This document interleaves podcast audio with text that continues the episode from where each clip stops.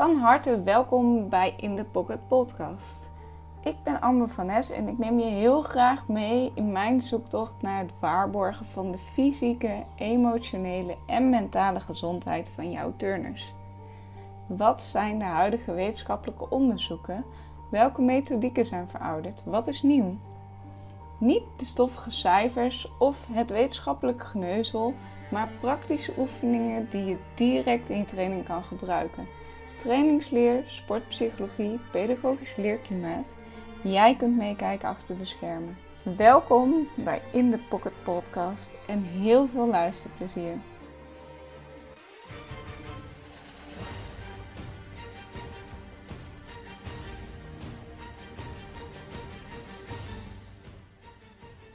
Hallo Reina, welkom bij de In the Pocket Podcast. Fijn dat je hier vandaag kon zijn. Ehm, ik ken jou van de TC3 Turnen Dames uh, opleiding in Den Bosch bij Flikvlak. En uh, jij hebt topsport gedaan en nu geef je bij ons trainingen. En ik ben heel erg benieuwd naar hoe die transitie voor jou is geweest. Hoe is het geweest om topsporter te zijn en hoe is het nu om aan de andere kant te gaan staan? Uh, maar voor de luisteraars zou je even jezelf willen voorstellen. wie ben jij, waar kom je vandaan? Uh, nou, mijn naam is Reina Beltman. Ik ben ondertussen 23. Um, nou, ik heb tot een half jaar geleden inderdaad altijd uh, op hoog niveau geturnd. Uh, de laatste zes, zeven jaar bij de Hazenkamp in Nijmegen. Daarvoor overal en nergens. Ja. Um, en nu, dus sinds een halfjaartje, turnster af en eh, langzaam een beetje mijn weg aan het zoeken. Nou, en wat nu? En wat vind ik leuk? En hoe ziet het allemaal eruit? Ja. ja, en je zegt nu dat je een jaar bent gestopt. Dat lijkt mij zo'n ontzettend moeilijke beslissing. Hoe kom je tot zo'n beslissing, tot zo'n besluit? Um, nou, ik wist het denk ik al wel een tijdje. Misschien in tegenstelling tot sommige anderen. Um, ik denk dat het voor het eerst die gedachte bij me opkwam um, in nou, augustus, september 2018. Uh, ik had gewoon een hele rottige periode gehad en uh, het liep allemaal niet zoals ik wou. En toen kwam eigenlijk voor het eerst de gedachte van oké, okay, maar misschien is dit het wel gewoon. En um, daar schrok ik toen best wel van. Van, oh ja, oh wow, dit, daar heb ik nog nooit eerder bij stilgestaan. En nu ineens, ja, denk je daaraan. Um, en ik zat sowieso, wist ik niet helemaal wat, wat ik wou. En toen heb ik besloten om een tijd weg te gaan. Toen ben ik naar Australië gegaan voor uh, drie maanden. Australië en Nieuw-Zeeland heb ik toen ja. uh, gedaan. Gewoon heel erg op zoek te gaan naar mezelf. Um, vind ik überhaupt, met de eerste vraag was, vind ik überhaupt turnen nog wel leuk? Mm -hmm. Nou, ja. daar kwam ik vrij snel achter van, nee, dat, dat zit nog gewoon goed. Dat, um, dat is prima zo. Oftewel, turnen vond je wel leuk? Ja, okay. ja. um, en daarna kwam langzaam de vraag van, oké, okay, maar wat wil ik dan nog? Wat is dan mijn doel? hoe gaat het fysiek? Hoe gaat het mentaal? Ja. En daar had ik wel een, zeg maar, een optie A en een optie B voor in mijn hoofd bedacht, maar niet echt in Australië een keuze gemaakt. Ja, toen kwam ik terug in Nederland uh, en toen eigenlijk vrij snel na een maandje, uh, zes weken, wist ik wel van oké, okay, nee, ik ga nog één keer het NK doen uh, in juni en daarna is het klaar. Ja. En dat vond ik een hele fijne gedachte, omdat ik dan heel langzaam aan dat idee kon wennen. Ja. In het begin wist eigenlijk niemand het, behalve mijn coach en mijn ouders. Um, zodat ik gewoon heel rustig ook zelf aan die gedachten kon wennen. Ja.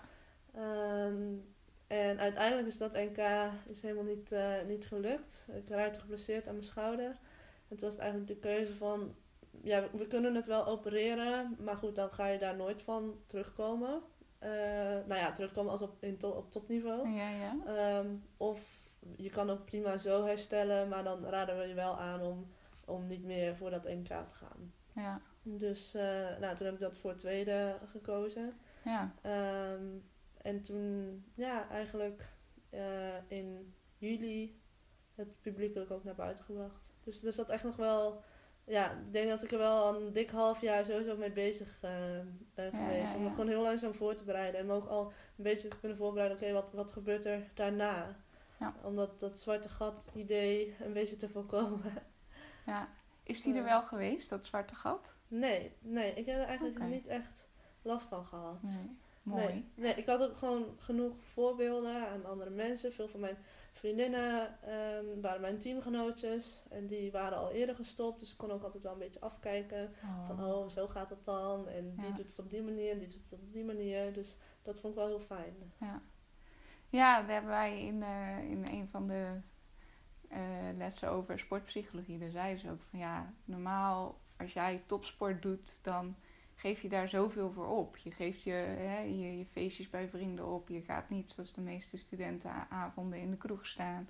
Eh, Mhm. Ik merk bij mezelf dat ik heel vaak familie eh, weekenden af moet zeggen, omdat ik in het weekend train. Dus dan zeg ik, ja, het kan of op zaterdag of op zondag. Ik wil best één van de twee trainingen afzeggen, Mhm. maar niet allebei. Ja. Het is gewoon te veel.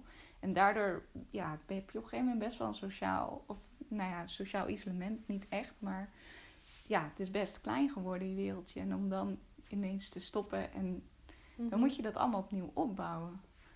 Ja, zo heb ik het denk ik gelukkig, denk ik voor mezelf, ook nooit. Het is echt zo Oké.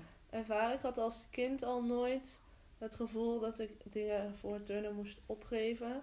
Ik voelde me juist altijd echt super bevoorrecht dat, dat ik dit mocht doen en dat ik ergens goed in was. En dat ik dingen mocht meemaken die andere mensen misschien niet meemaakten.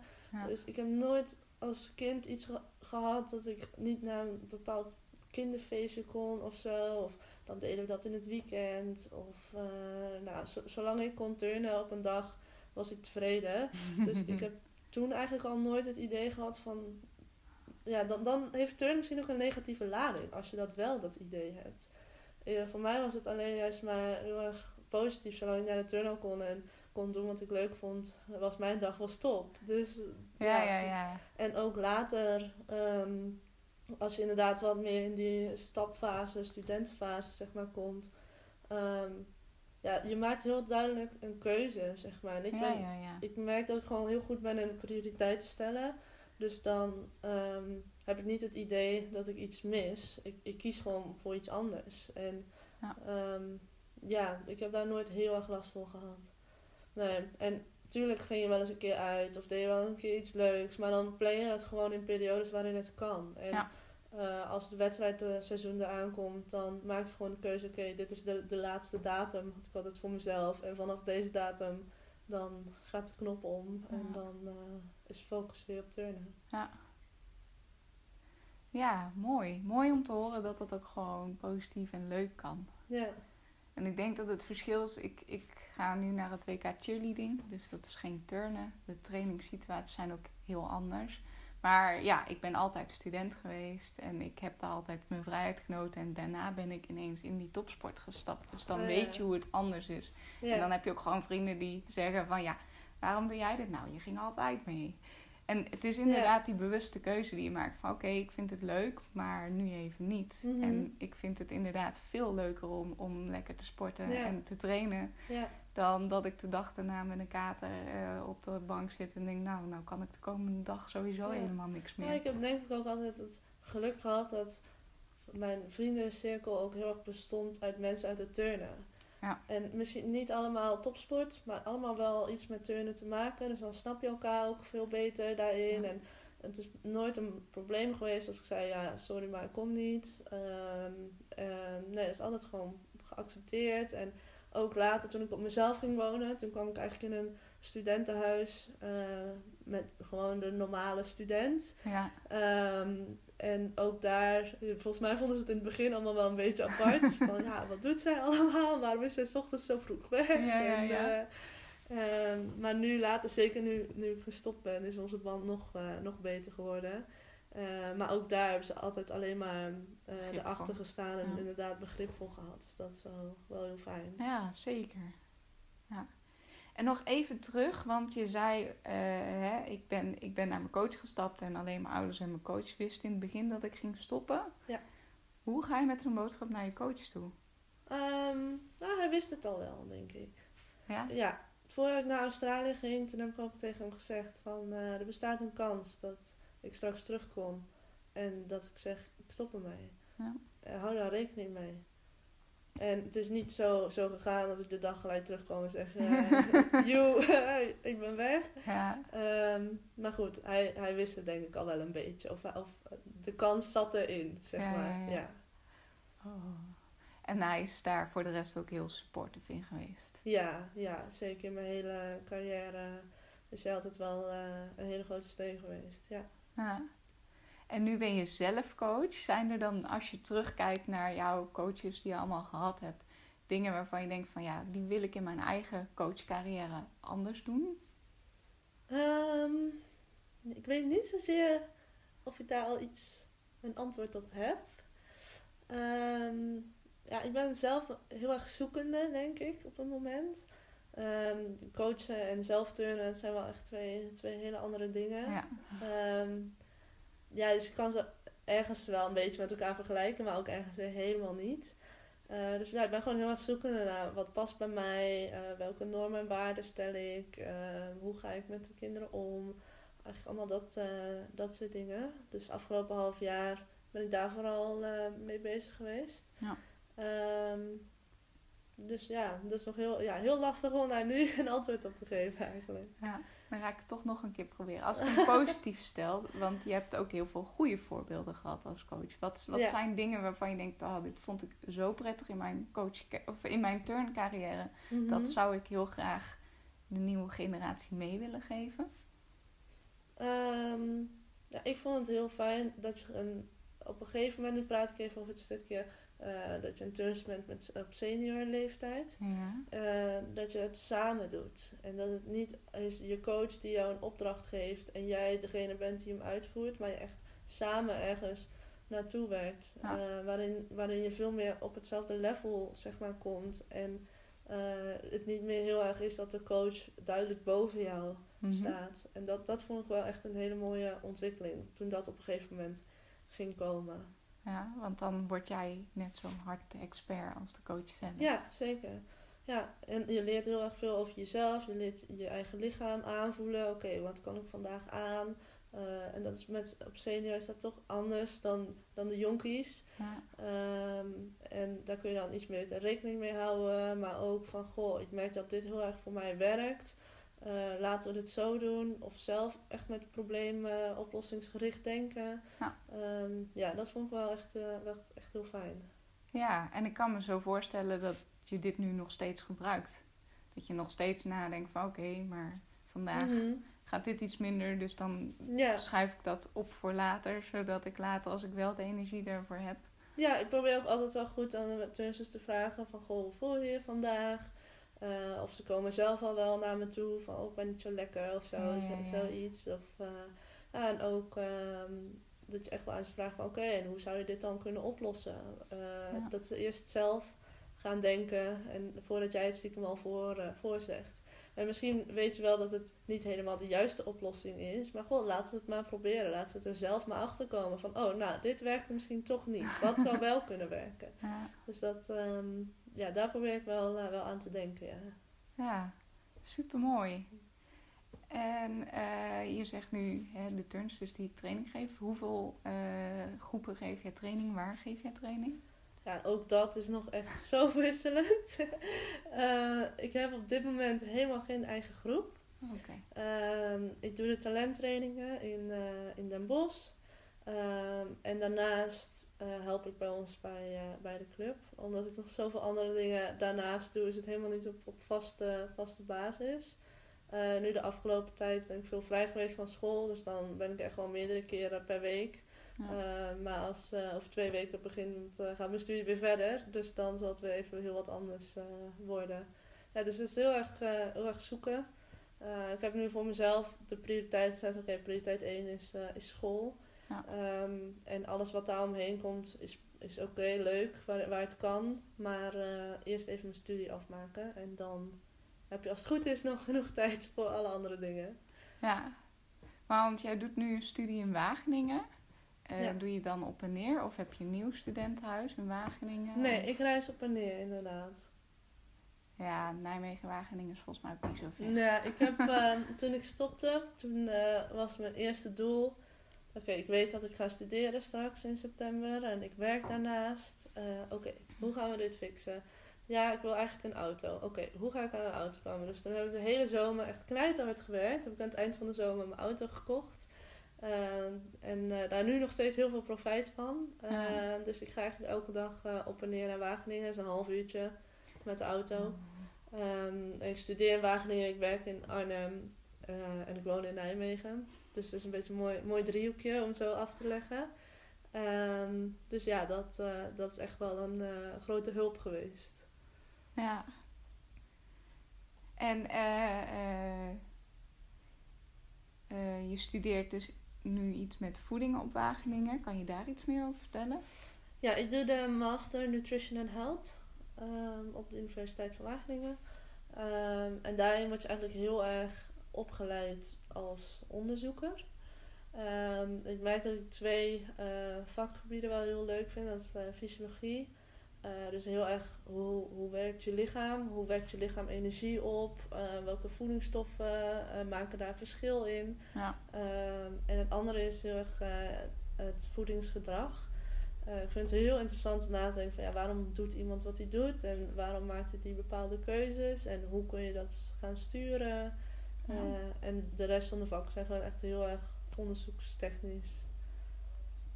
Ja, en heb je al een idee van als je af bent gestudeerd, wil je dan weer terug de topsport in of ga je gewoon het vakgebied in, om het zo maar even uh, te Dat zeggen? weet ik nog helemaal niet. Nee, ik ben op dit moment bezig om zoveel mogelijk papieren te halen en certificaten te halen. Echt in van alles wat ik leuk vind. um, gewoon maar, ja, dan zie ik het later wel, maar dan heb ik in ieder geval het papiertje, zeg maar. mocht dat een keer nodig zijn. En het voelt ook niet echt als een, als een last of als een druk, juist omdat ik het heel leuk en heel interessant vind. Dus daar, daar ben ik eigenlijk nu vooral uh, mee bezig. Het is een beetje mijn valkuil dat ik dus inderdaad te veel dingen leuk vind. Dat ik echt wel een keuze een keer moet gaan maken. Maar die stel ik nog even voor me uit. ah, hoe lang heb je nog op je master? Uh, nog anderhalf jaar, dus dat oh, komt wel goed. Ik wou wel zeggen. Ja. Tegen de tijd dat je afstudeerscriptie moet schrijven, dan heb je wel een voorkeur voor een of het ander. Ja, ja ik denk, ik ben nu wel bezig waar ik mijn thesis ga schrijven, inderdaad. Uh, of uh, fysiologie dus, of voedingsgedrag. Um, die keuze is ook wel erg lastig, moet ik zeggen. Uh, maar goed, dat uh, zal je wel een beetje in een bepaalde, bepaalde richting gaan sturen. Ja. ja, ik vind het wel grappig, want ik ben weetcoach en we hebben een programma over voeding voor turnsters. En uh, vorige week of twee weken geleden hebben we een viertal, nee een vijftal diëtieks, diëtisten, Mhm. studenten bij ons over de vloer gehad. En die, had die hadden heel ons onderzoek nagekeken op hoe zit Ja. inderdaad voeding in elkaar. En wat zijn dus inderdaad het gedrag van de turnsters of van krachtsporters eh, ten opzichte van voeding. En daar zeiden ze heel vaak van oké, je hebt een soort van voedingspyramide met daaronder eh, ja, de gezonde groente, fruit, Mhm. vlees, schijf van vijf. Ja. Dus je basisvoeding. Daarboven zitten dan, ik weet niet precies meer wat er zat. Er zat nog iets Maar boven. sportvoeding is dat. Ja, sportvoeding Ja. en dan daarboven zitten de supplementen. En heel grappig als ik binnen mijn team ga kijken, of gewoon binnen cheerleading überhaupt op het hogere niveau, dan zit ze ja, en ik heb dit uh, eiwitten shake en ik heb dit supplement en dit en dat. Mhm. En dan denk ik, ja, dat is allemaal leuk en aardig, maar hoe zit het met je eigenlijke voeding? Want dat zijn ook de mensen die na een training of na een wedstrijd zelfs zeggen, ja, we gaan met z'n allen naar de McDonald's. En dan denk ik, oh, Mhm. hoe kan je lichaam herstellen van een zware training of van een wedstrijd als je naar de McDonald's gaat? Ja, Dus dat vind ik dan wel weer grappig. En, en wat ook die studenten zeiden is, ja, wat er eigenlijk het meest nodig is in de sport nu, is gewoon de basisvoeding. Gewoon de kennis. ja. Hoe zit het eigenlijk? Waar haal je überhaupt je eiwitten vandaan? Waar haal je eh, koolhydraten vandaan? Koolhydraten zijn niet eng, je hebt ze nodig. En dat soort dingen. Ja, precies dat. Ja, die gedachte eh, die support ik wel helemaal. Ja. Dat, eh, ik denk dat het in eerste instantie valt of staat bij je basisvoeding natuurlijk. Ja. En dan zeker als je op een wat hoger niveau aan het sporten bent, dan komt die sportvoeding er ook echt bij kijken. Ehm, en dan om het, om het echt af te maken, ehm, ga je eigenlijk pas naar de supplementen. En ik weet nog dat ik ehm, een paar maanden voor een WK-kwalificatie zat. En dat ik toen eh, met onze diëtisten bij gaan overleggen van... Oké, wil je nou echt nog die laatste stap gaan maken? Dan zou ik wel aanraden om nu echt shakes te gaan gebruiken. Omdat je dan gewoon echt zeker weet dat je voldoende eiwitten binnenkrijgt. Ja. Terwijl mijn voorkeur gaat eigenlijk altijd uit naar gewoon natuurlijke producten. Dus in eerste instantie was ik helemaal niet zo van de shakes. Ik denk, ja, laat mij maar gewoon kwark eten. Ja, Maar om dan echt net nog dat, dat laatste stapje te maken, kan het wel, eh, kunnen supplementen wel heel goed zijn, ja. ja. ja, en je krijgt heel vaak ook timing van voeding. Want vooral die eiwitten zijn belangrijk in het eerste uur, half uur na je Mhm. training. En wat ik, ik heb op een gegeven moment in... Ja, nu train ik in Utrecht en ik heb op een gegeven moment in Boksmeer getraind. Nou, in Boksmeer was ik anderhalf uur voor bezig. Utrecht ben ik ook anderhalf uur voor bezig om daar naartoe te komen en daar Mhm. terug te komen. Ja, dan zit ik dus anderhalf uur in de auto en dan heb ik daarna pas Ja, tijd om eten voor mezelf te gaan maken en daarna pas om het op te eten. En daar vind ik shakes dan wel heel handig voor om te zeggen van oké, maar dan gaat mijn timing net iets beter. ja, ja. zeker ik denk dat timing ook een heel belangrijk eh, aspect is. Eh, misschien zelfs nog wel belangrijker dan, dan wat je precies, eh, precies eet. Ja, Eh, als die timing maar, maar goed is om inderdaad zo goed mogelijk te herstellen na een inspanning. En dan al helemaal na een wedstrijd. ja. En wat ik dan altijd heb, is dan heb ik alles voorbereid en meegenomen. En dan denk ik, ik moet altijd een appeltje of een banaan voor de training. Nou, ja, die vergeet ik ten eerste altijd, want die zit dan onder in mijn tas. En dan denk ik, jee, training! En dan denk ik echt niet meer aan die banaan. En dan aan het eind dacht ik, ja, ik moest iets eten. Maar ik weet niet meer wat. dan kom je thuis en dan doe je je tas zo uitpakken en denk je, oh ja, ik had dit bij en dit Oh bij ja. en dit bij. Nee, ik had altijd wel echt genoeg honger na de training. Dus ehm, het eerste wat ik altijd wel deed was, oké, eten. ja. Ja, dus bij mij liep het altijd wel een stukje beter. ja. Nee, ik ben daar echt niet goed in. Ach, ja. Eh, ja. Maar, ehm, ja, we hebben nu al genoeg over voeding gepraat. Ik kan daar nog uren over praten. Maar Ehm, weer even die transitie terug naar, naar trainerschap. Ehm, jij doet nu je K64 volgens mij. Wat, Ja. wat, hoe is dat? Ehm, ja, nu TC4 inderdaad. Het bestaat uit een generiek deel. Eh, dat is ook sportoverstijgend van NRC NSF uit in Zwolle.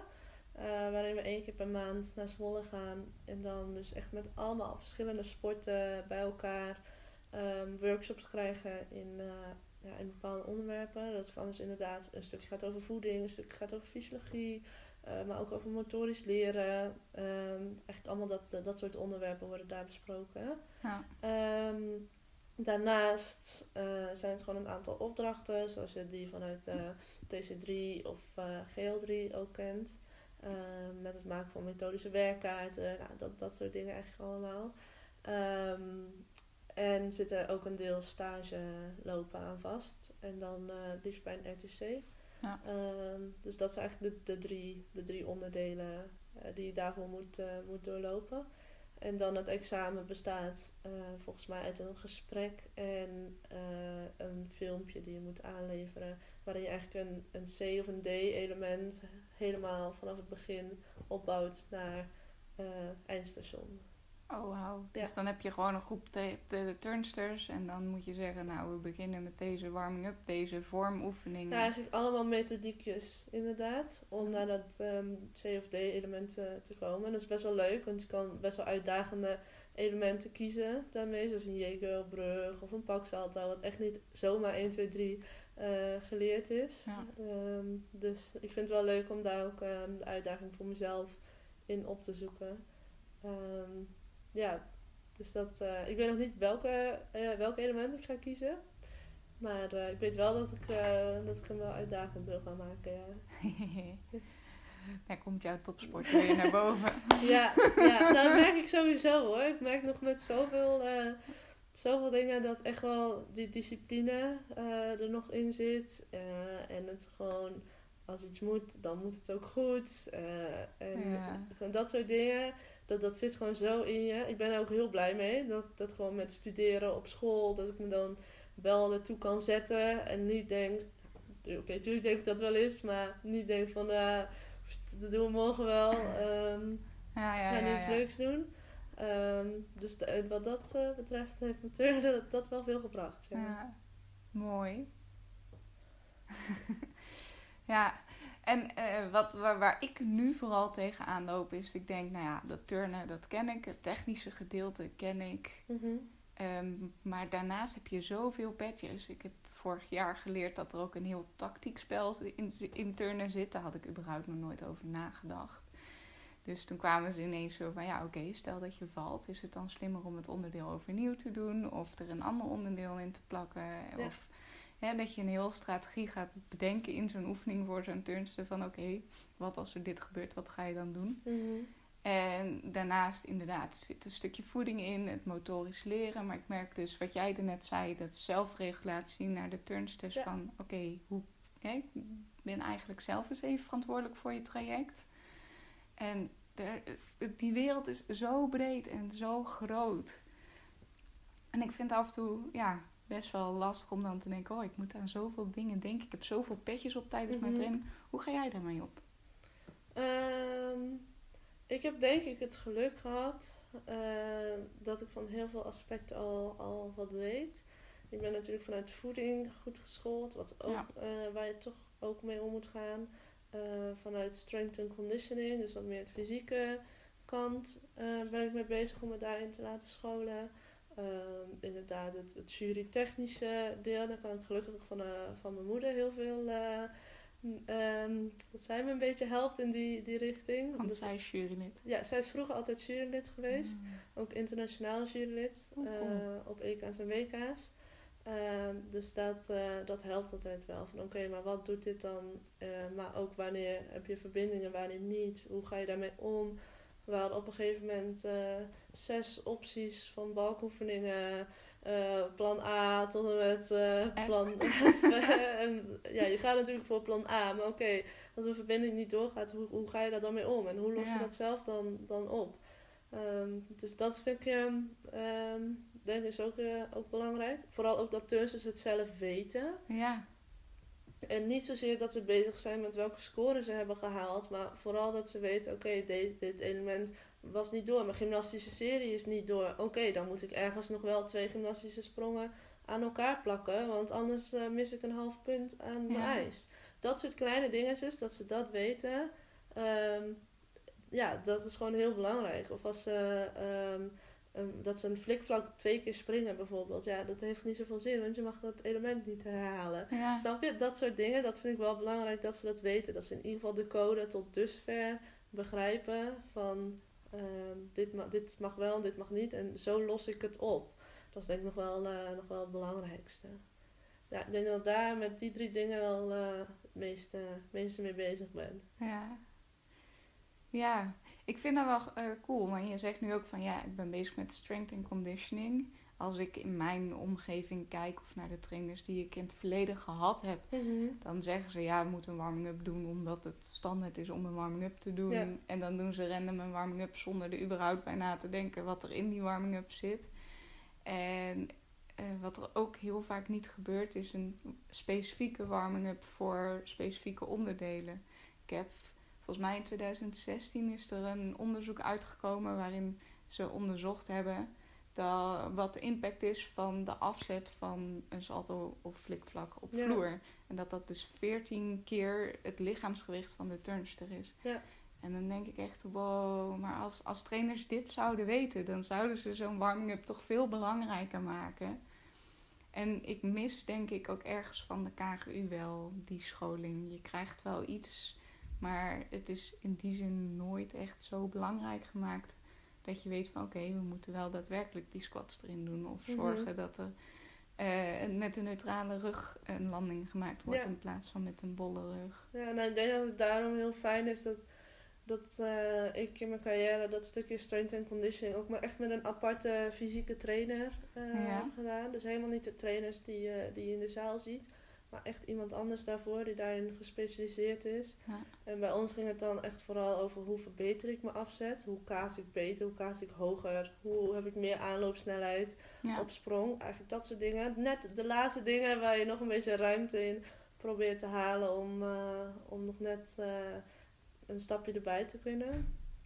Ehm, en ik merkte op een gegeven moment ook dat het echt werkte. Dat ik echt dacht, oh, ik raak alles veel beter. Ik ben veel scherper, ik ben veel sneller. En toen kwam het moment wel heel erg dat ik dacht, oké, ja, maar hoe dan? Hoe werkt dat dan? En waarom werkt het bij mij bijvoorbeeld wel, maar waarom werkt het bij mijn teamgenootje niet? Ja. En ehm, hoe zit dat dan uh, fysiek gezien, lichamelijk in elkaar?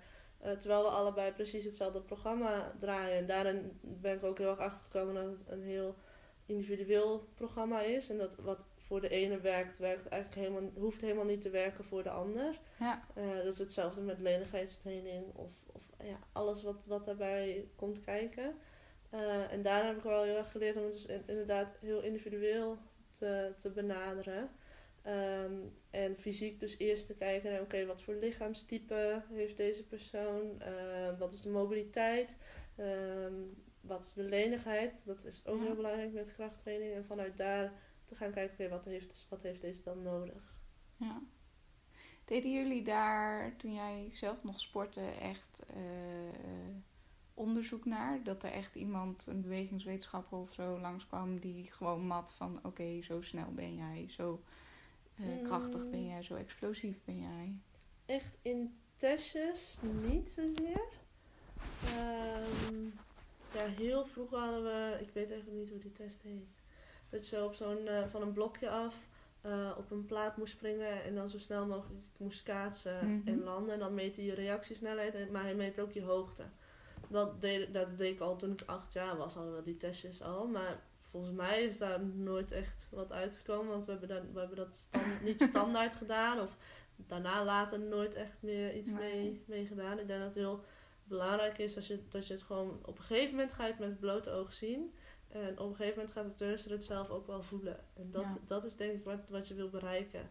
En of je nou met zo'n testje een 0,1 eh, sneller bent geworden. ehm, ja, dat leren je ook vanuit school. Dat het best wel lastig is om zo'n onderzoek op te zetten waarin eh, alles klopt. En wanneer, waarin je het kan generaliseren naar Ja. een grotere groep. Ja. En ja, dus dat, eh, dat is echt niet zo 1, 2, 3 gedaan.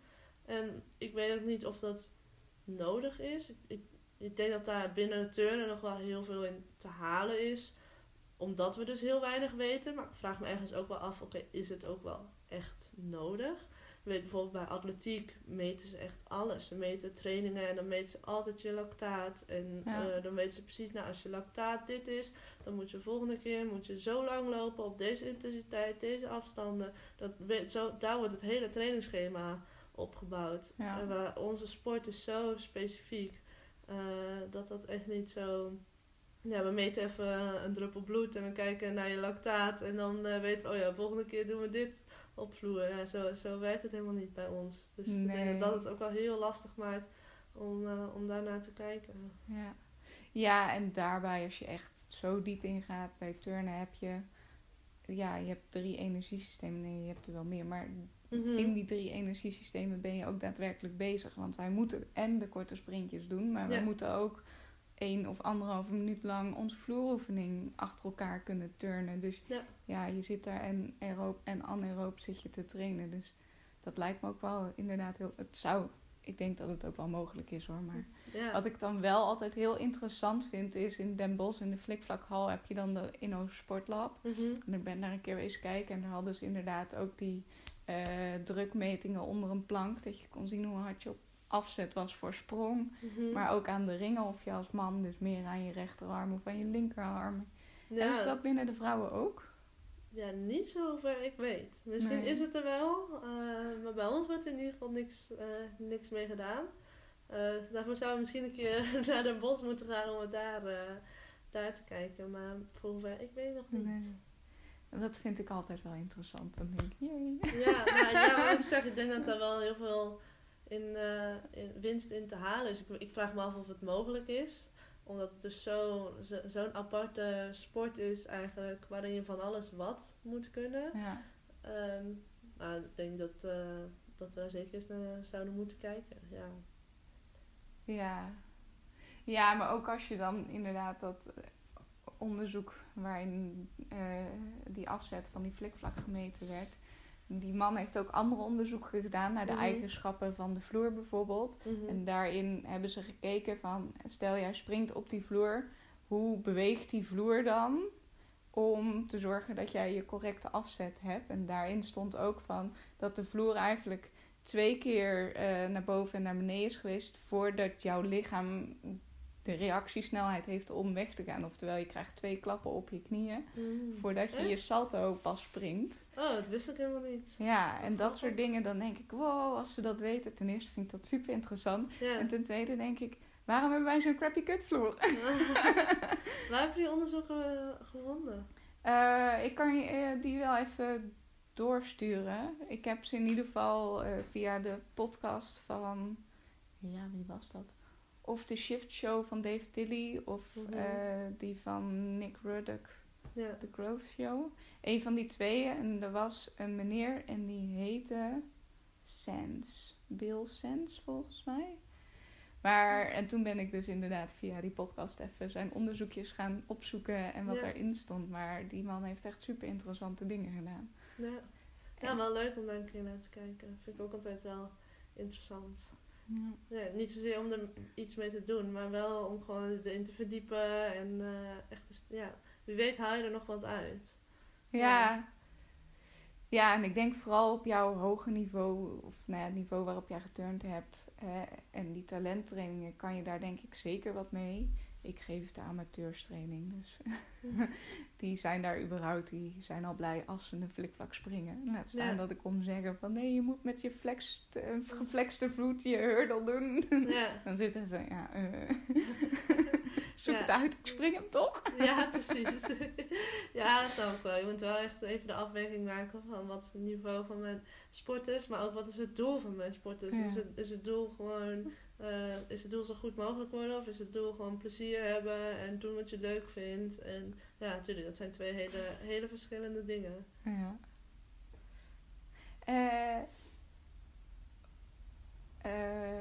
N- zo, ik dacht, ik maak even een mooi bruggetje, maar Het kwam er niet uit. helaas. Ehm, een, een ander ding wat ik altijd heel interessant vind, maar waar ik eigenlijk helemaal niks van weet, maar aangezien jij in de topsport een aantal vechtjaren en Olympische Mhm. cycli hebt meegemaakt, kan jij daar misschien eh, wel antwoord op geven, is ehm, als je heel veel naar Nick Ruddock luistert, dan gaat, of en Dave Tilly, dan gaat het vaak ook over hoe je landing is in een correcte squatpositie met een neutrale rug. En hoe dat voor jouw lichaam het beste zou werken. En Mhm. wat het VIG wil en waar je aftrek voor krijgt binnen turnen. Dat je heel vaak, hè, als jij een correcte squat zou doen in je landing, dat je dan 0,3 aftrek krijgt, omdat je dan te diep. Ja, in je landing zit. Ja. Eh, is het VIG daarmee bezig? Want ze zijn wel veel aan het af. af nou ja, Ja, dat, dat weet ik allemaal niet. Nee. Nee, dan, eh, dan moet ik een keer eh Ja, ja. naar Vig toe. Ehm, ik ken wel wat mensen hier en daar, maar dat, Nee. dat weet ik zo 1, 2, 3 niet. nee. Nee, ja, ik hoop het dat ze daarmee bezig zijn. Ik denk dat er nog steeds heel veel ernstige blessures in het turnen komen. Nou, je ziet Achillespezen afscheuren en kruisbanden afscheuren. Dat, ehm, dat echt wel één op de zoveel dat, eh, dat krijgt. Ja. Ehm, en ik denk dat het ergens te maken heeft ook met een nieuwe vloei. Je ziet wel een toename daarin sinds een nieuwe vloei is gekomen. Ehm, dus, dus ja, ik hoop van harte dat ze daarmee bezig zijn. Ik hoop ook van harte dat ze de spronglanding eh, wat verzachten. Eh, Ja. Ik snap aan de ene kant de afweging wel, want als je hem verzacht, dan gaan mensen nog moeilijkere trucken doen en misschien nog iets meer risico doen. Ja. Ehm, maar aan de andere kant, eh, die impact op je lijf, zeker voor de mannen. Voor de vrouwen is één ding, maar zeker voor de mannen, die toch echt wel van 2, 3 meter hoog naar beneden komen. eh, hoop ik van harte dat, eh, dat daar iets mee gedaan wordt, ja. Ja. Ja. Dat, ja, maar de, ja, daar denk ik wel vaker over. Dat ik denk, oh, waarom denken ze hier niet eens over na of daar? En waarschijnlijk doen ze dat ook hoor. Want Ja, ja deze afweging, wat ik net zei, van ga je, ga je hem iets zachter maken met, met de kans dat mensen nog meer risico gaan nemen? Of hou je hem hard waarvan we in ieder geval zeker weten van, nou oké, dit, dit beheers ik. Ja. En ik ga niet een of andere sprong doen en hoop van zegen dat, dat ik mijn nek niet breek. Oh, nee. Dus ik snap heel goed het dilemma waar, waar ze in zitten. Ehm, maar ik merk als turnster zijnde dat, dat die spronglanding echt niet, eh, echt niet leuk is. Ehm, en die, ja, dat is gewoon hartstikke hard. En ook al heb je geen pijn aan je voeten, dan heb je daarna wel pijn aan je voeten. Dat kan ik je verzekeren. dus, Ja. ja. dus ja, het is zeker ehm, een heel belangrijk onderwerp om daarover na te denken. Ehm, ik denk ook zeker dat ze daar wel, eh, wel achter de schermen mee bezig zijn. Ehm, en volgend jaar, met, het spelen, met de Spelen dit jaar, komt natuurlijk volgend jaar weer een nieuwe, nieuwe Ja. code uit. Ja. Ehm, die is zelfs al wel uit volgens mij. Maar ja, dan gaat, dan gaat die in. Dus ja, ik denk dat ze daar wel wat, eh, wat veranderingen weer gaan toevoegen. Ja. ja, ik hoop het. Ja, even met betrekking op de tijd, de laatste vraag. Ehm, als jij, als, als we alles zou kunnen veranderen in de cultuur van turnen nu, wat Mhm. zou ja, jouw top 2, 3 dingen zijn waarvan je denkt van ja, dit zouden we in Nederland echt moeten veranderen of dit zou ik heel graag Mhm. zelf willen veranderen? Ehm, met betrekking op de cultuur. Ja, dus Ehm, ja, ik merk dat er ehm, op dit moment een best wel groot gat is vanuit ouders naar het vertrouwen naar de coach. Ja. Ehm, wat enigszins ook wel terecht is. Ik zeg zeker niet dat, eh, dat je de coach blind, blind moet vertrouwen. Maar ik merk, ik merk wel dat, dat daar, dat daar een, een, eh, gewoon een kloof zit tussen trainers en, en ouders toe. En daarom dus ook indirect naar trainers en turnsters toe. Zeker nog op, als ze op jonge leeftijd zijn. Als ze zelf nog helemaal niet zoveel in, eh, in te brengen hebben. Ehm, en het zou, het zou wat mooi zijn als die twee werelden wat meer samenkomen en dat ze elkaar ook gaan begrijpen. Ehm, en, en, en wat ik zeg, dat, dat het daarin wat, wat, meer, wat meer samenkomt. En dat, to, dat topsport mag ook wel een beetje hard zijn. En, eh, maar ouders moeten ook heel goed begrijpen waarom dat is. En waar ligt dan de grens? En de grens kan voor elke trainer ergens anders liggen. Maar wees daar, communiceer daarin, zeg maar. En, en zorg dat, eh, dat je samenwerkt met, je ouders, met de ouders. En niet... eh, ja, het is zonde voor, voor elke turnster als ouders en trainers tegenover elkaar staan. ja. Ehm, ja, dat, dat belemmert gewoon het, het proces. En dat is, alleen, dat is gewoon zonde voor de turnster die er zoveel tijd en energie in, in stopt. Dus dat zou ik wel eh, een van de belangrijkste dingen vinden. ja. Om, om dat ehm, te veranderen. En dat is dan met name een stukje communicatie van de trainer naar de ouder, maar ook van de ouder naar de trainer toe. Ja, maar communiceer ook heel duidelijk van waar, wat zijn mijn normen en waarden. En vanuit de ouders toe, oké, maar wat zijn de normen en waarden van de ouders? En hoe komen we tot gezamenlijke normen en waarden? En ja, het, het is gewoon zonde als er elke keer eh, gedoe wordt gemaakt over iets wat gewoon heel veel tijd en energie Ja. opvreet. Terwijl het ook aan, in andere dingen gestopt kan worden. Ja. Ehm, dus ik, ja, ik denk dat dat, dat dat het belangrijkste is.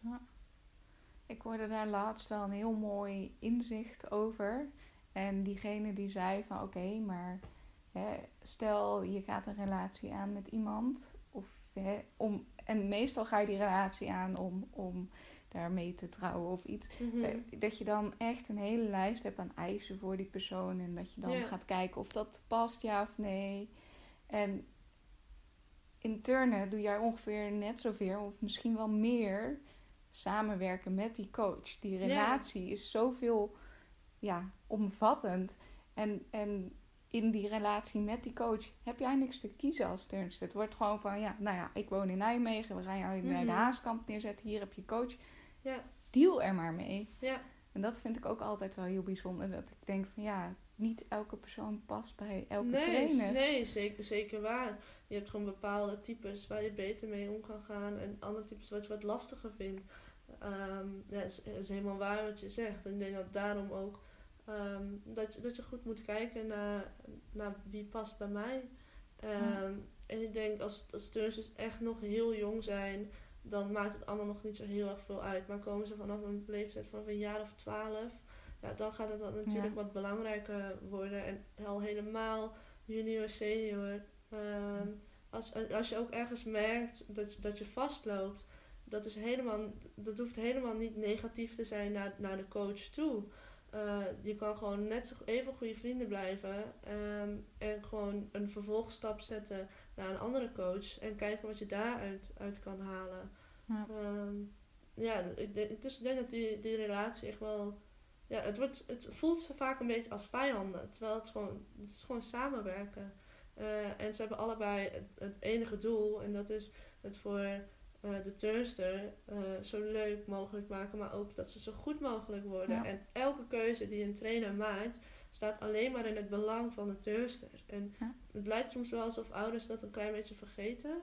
Um, maar anderzijds ook, elke keuze die een ouder maakt, staat alleen maar in het belang van het kind.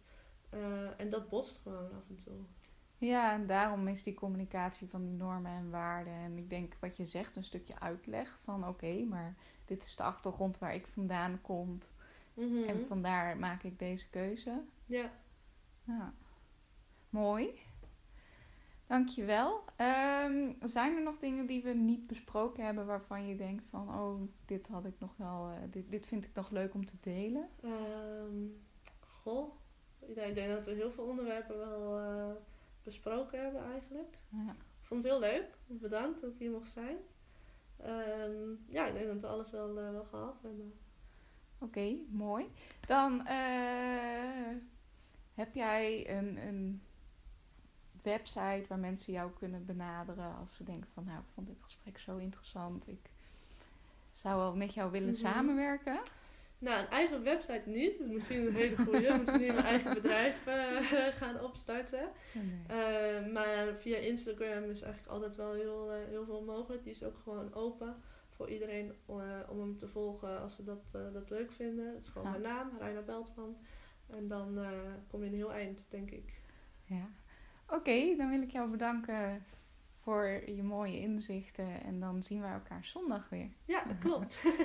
Dankjewel voor het luisteren naar In the Pocket Podcast. Vond je dit een toffe aflevering? Laat dan een 5 sterren rating voor mij achter op jouw podcastplatform. Dit kan op iTunes, Soundcloud, Spotify of via welk platform je deze podcast ook maar luistert. Dat zou ik echt te gek vinden en het helpt mij ook om betere sprekers aan het woord te krijgen.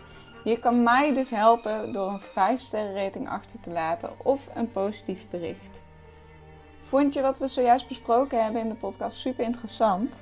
Dan kan je ook de podcast delen. Dat kan je bijvoorbeeld doen door op Instagram een screenshot te maken en mij daarin te taggen.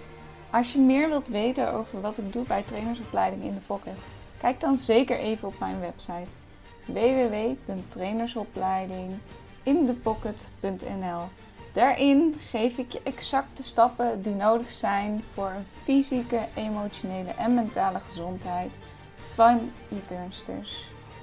Dit was het voor deze podcast. Ik hoop dat je genoten hebt van deze aflevering en tot de volgende keer.